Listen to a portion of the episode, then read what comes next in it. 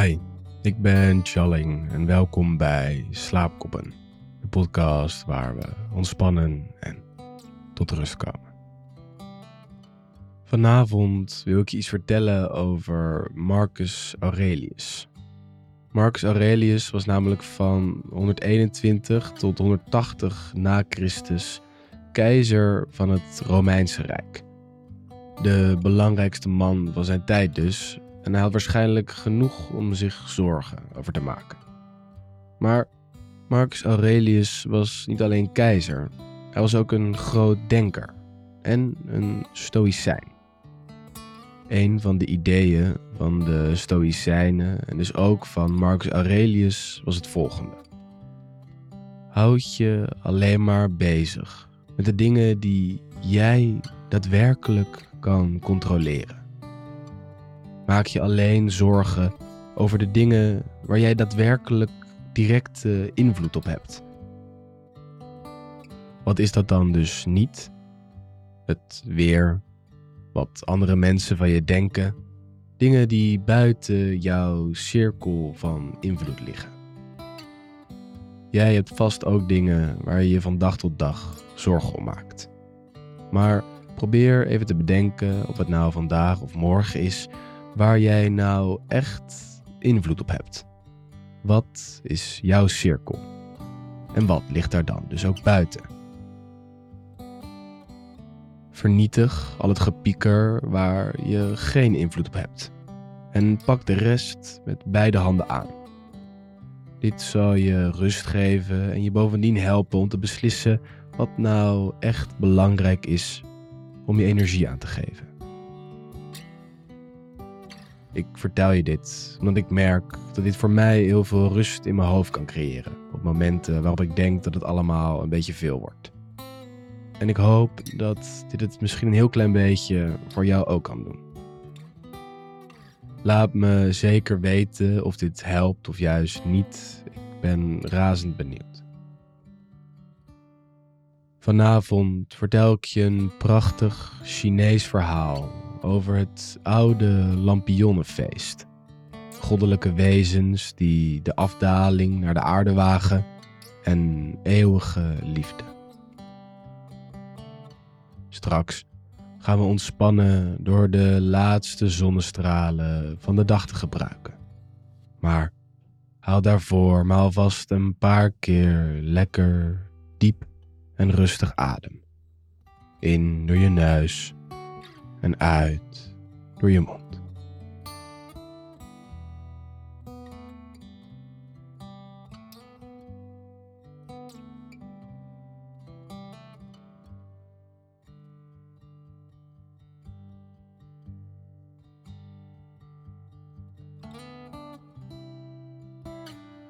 Deze slaapmeditatie noem ik de zonsondergang. Gaan namelijk de laatste zonnestralen van de dag gebruiken om helemaal te ontspannen en ons volledig klaar te maken om rustig in slaap te vallen. Laten we eerst even beginnen door lekker comfortabel in je bed te gaan liggen. Of waar je dan ook van plan bent te gaan slapen.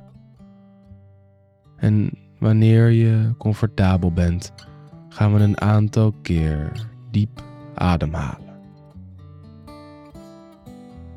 En voel tijdens die uitademingen bewust de stress en spanning van de dag van je afvloeien. In door je neus en uit door je mond. Of je nou een drukke dag of juist een hele rustige hebt gehad. Dit is het moment om even nergens aan te denken. Alles achter je te laten.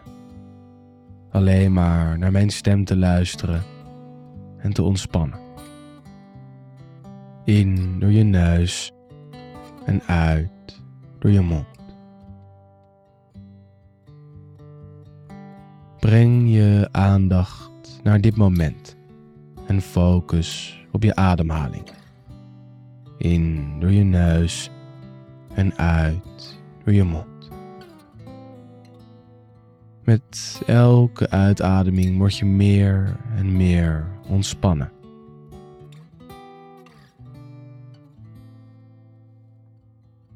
Na de volgende uitademing gaan we ons voorstellen dat een warme golf zonnestralen op je neerschijnt, die elke spanning in je lichaam helemaal wegsmelt. De zonnestralen bewegen langzaam van beneden naar boven. En het begint helemaal bij je tenen, in je voeten. Voel hoe de warmte van de ondergaande zon je spieren volledig ontspant. Dan beweegt het naar je kuiten, je bovenbenen. Het beweegt langzaam naar je heupen, je buik, je onderrug, je borst en dan ook je bovenrug. En het smelt langzaam alle spanning weg.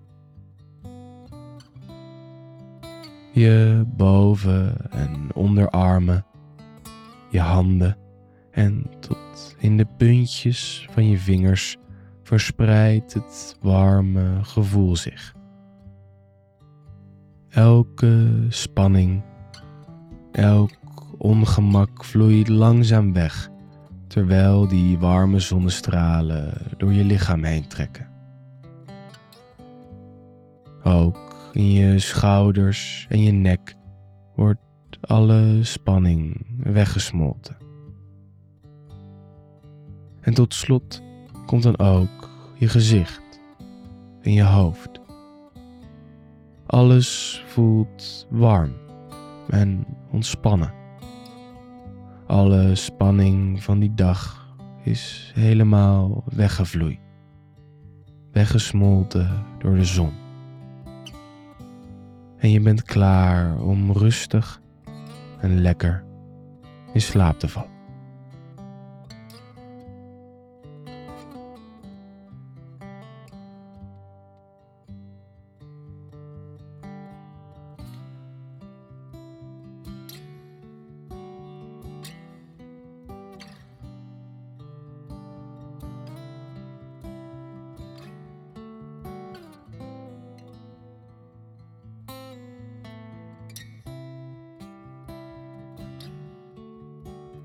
Aan de voet van de omgeslagen bootheuvel woonde eens moederziel alleen een oude houthakker. Op een dag, toen hij terugging naar huis na zijn brandhout verkocht te hebben, voerde zijn weg hem langs de kraanheuvel. En hij zag daar een kind op de grond liggen, die poedelnaakt was en hartverscheurend huilde. De oude houthakker hield lange tijd bij hem de wacht, maar niemand kwam het kindje ophalen. En daarom nam hij het zelf mee naar huis. Hij voedde het op en gaf het de naam de kraanjongen. Toen deze kraanjongen 18 jaar was geworden, was het een knappe jongen met een mooi gezicht. Hij was slim en handig, maar jammer genoeg kon hij geen woord zeggen, want hij was doof. Daarom noemden de dorpsgenoten hem allemaal Dove Kraan. Al kon Dove Kraan dan niet praten, hij was scherp van geest en vaardig met zijn handen. En hij was niet alleen bedreven in het vangen van vissen en kreeften, maar kon ook allerlei soorten en vormen van lampionnen maken. Of het nu ging om vliegende vogels en lopende beesten en waterdieren, of het ging om bloeiende heersers en vruchtbomen en verschillende soorten bloemen. De lampionnen die hij maakte leken er zonder uitzondering sprekend op. Zijn kundigheid was haast bovennatuurlijk, zodat wie ze ook maar zag, ze ten zeerste prees. In die tijd vierden de bootbewoners en vissers op de rivier ieder jaar op de dertigste dag van de zevende maand op grootse wijze het waterlampionnenfeest. Op de avond van die dag ontstak men op de rivier allerlei waterlampionnen. Van veraf gezien leken ze als sterren te fonkelen terwijl ze stroomafwaarts tot de rots bij de kraanheuvel dreven om daar op de draaikolk van de schildpadkolk rond te tollen. Het was een uniek gezicht. Bekeek je deze waterlampionnen van dichtbij, dan bleken ze alle met het grootste vakmanschap vervaardigd en uitzonderlijk mooi. Het waterlampionnenfeest op de rivier, de Fushun, was beroemd. En bij ieder feest kwamen de mensen van heinde en verre om naar de lampionnen te kijken. Ook iedereen, van hoog tot laag, in het Drakenpaleis van de Oostelijke Oceaan. Zij konden alleen maar luisteren naar het vrolijke rumoer op de schildpadkolk en zich ergeren over het feit dat ze niet in menselijke gedaante naar de wereld van de mensen mochten. In het Drakenpaleis, de hemel van de Chinese cultuur, was een prinses, Groene Jade, die ook niets liever deed dan lampionnen maken en die daar uitzonderlijk bedreven in was. En natuurlijk wilde zij nog meer dan ieder ander graag naar de lampionnen gaan kijken.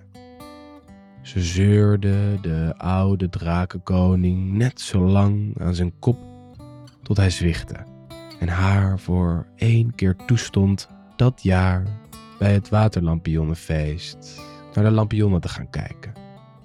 Hij drukte haar op het hart de mensen niet te stuipen op het lijf te jagen. En toch vooral niet de heldere parel die ze op haar hart droeg te verliezen.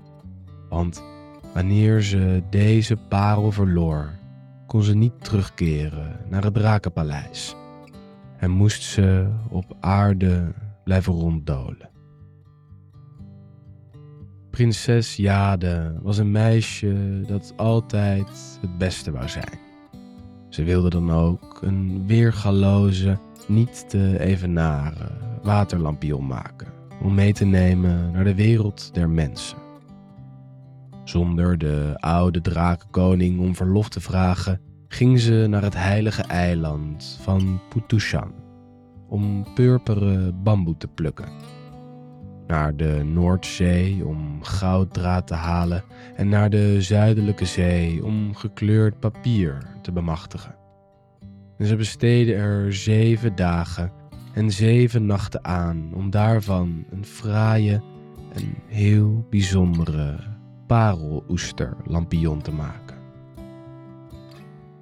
De beide groene schelpen van de oester waren helemaal ingelegd met parels.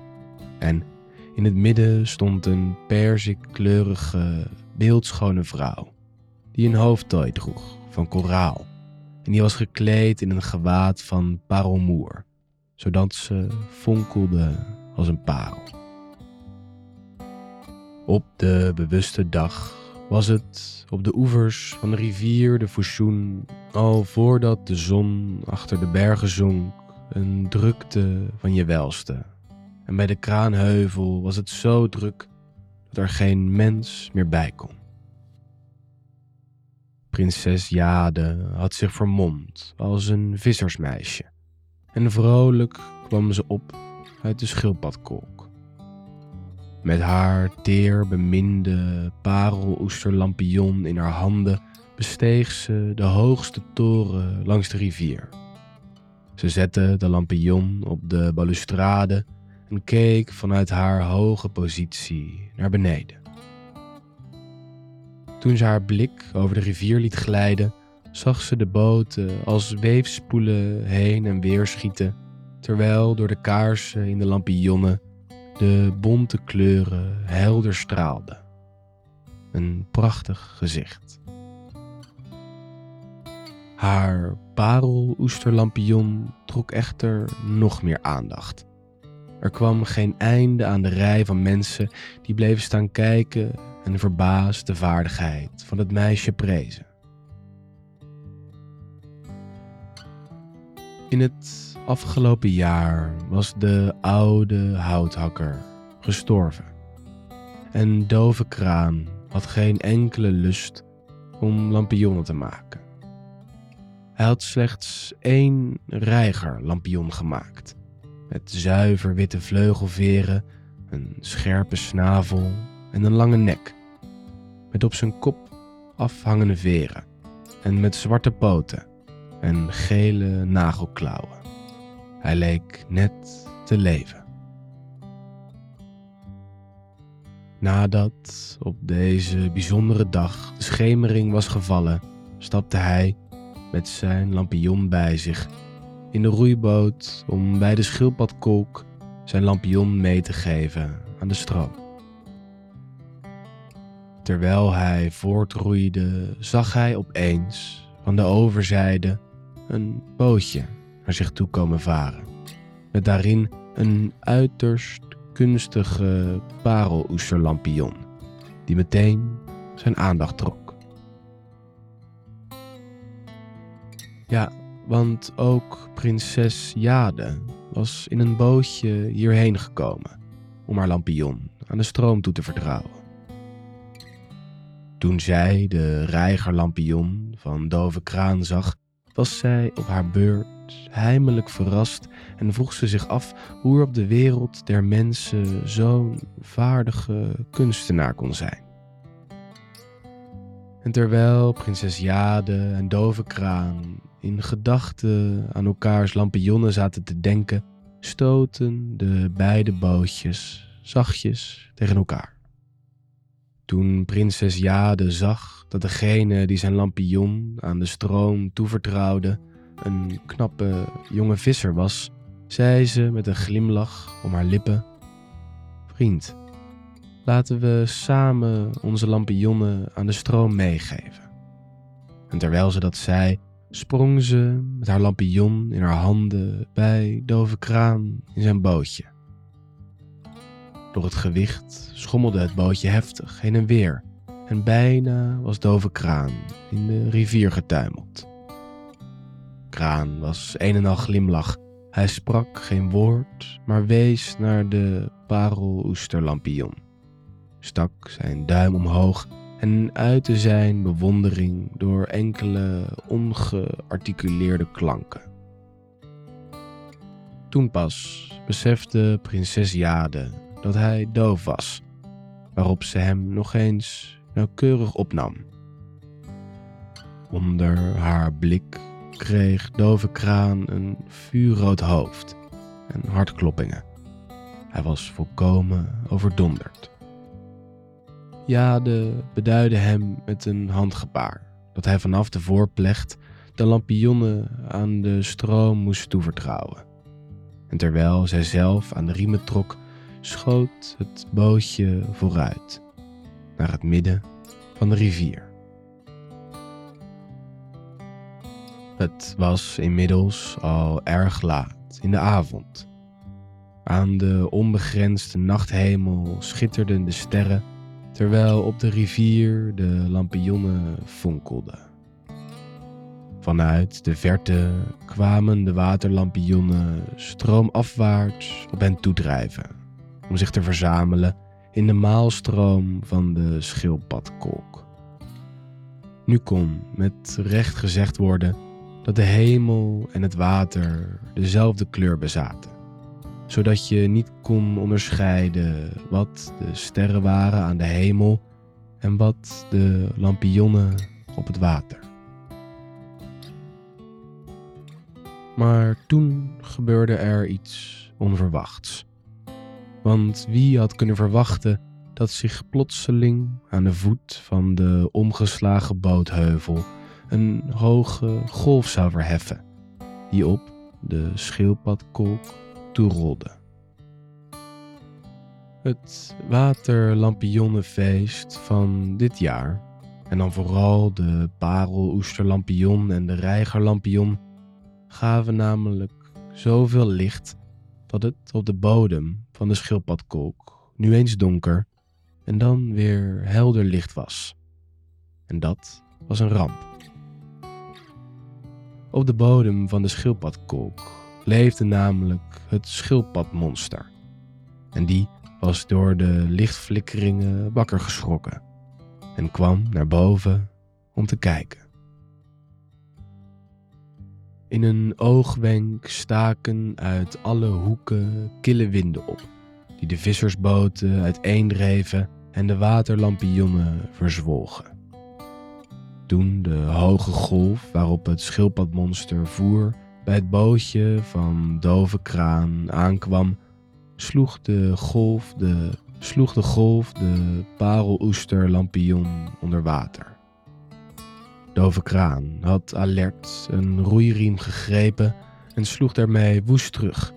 En je hoorde een doffe klap toen hij het monster op zijn schild had geraakt. De schildpad ontstak in woede en in één handbeweging deed hij het vissersbootje doen omslaan, zodat Kraan en Jade in het water vielen. Toen zij beiden in de schildpadkolk waren gevallen, sleurden de wielende maalstromen hen naar de bodem van de kolk. Prinses Jade bezat haar wonderparel, dus voor haar bestond geen gevaar. Maar hoewel Dove Kraan kon zwemmen, wachtte hem een gewisse dood als hij naar de bodem van de kolk gesleurd zou worden. Toen Jade zag dat Kraan in levensgevaar verkeerde, vergat de prinses wat de oude drakenkoning haar op het hart had gedrukt. Ze haalde haastig de parel tevoorschijn en wierp hem in het wervelende water van de kolk. In een oogwenk, als gesteund door goddelijke krachten, droeg hij hen beiden naar de voet van de kraanheuvel. Maar daarna was de parel spoorloos verdwenen. Nadat ze de oever van de rivier opgeklommen waren en bijgekomen waren van de grote schrik, zagen ze onder een grote boom iets verderop een oude man zitten en die wuifde naar hen. Toen ze dichterbij waren gekomen, zei de oude man schaterlachend: Ik ben de grote meester, die wie goed is, zegent. Ik verdrijf alle kwalen en genees ziekte, en ik schenk de mensen geluk. Welke wens hebben jullie?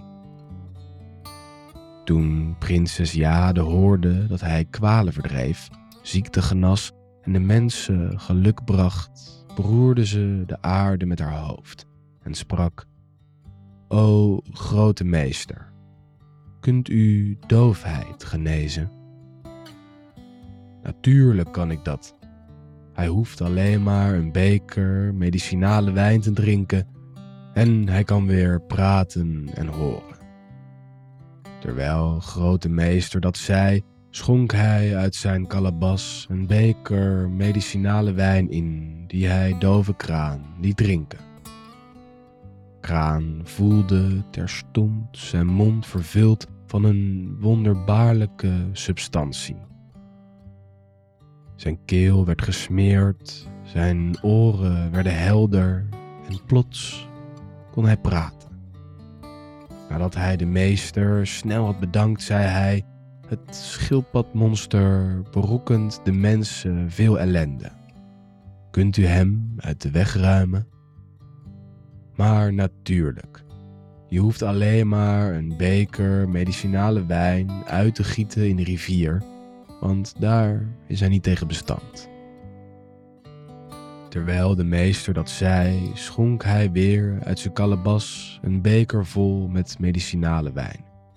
En hij zei tegen Kraan die uit te gieten in de rivier.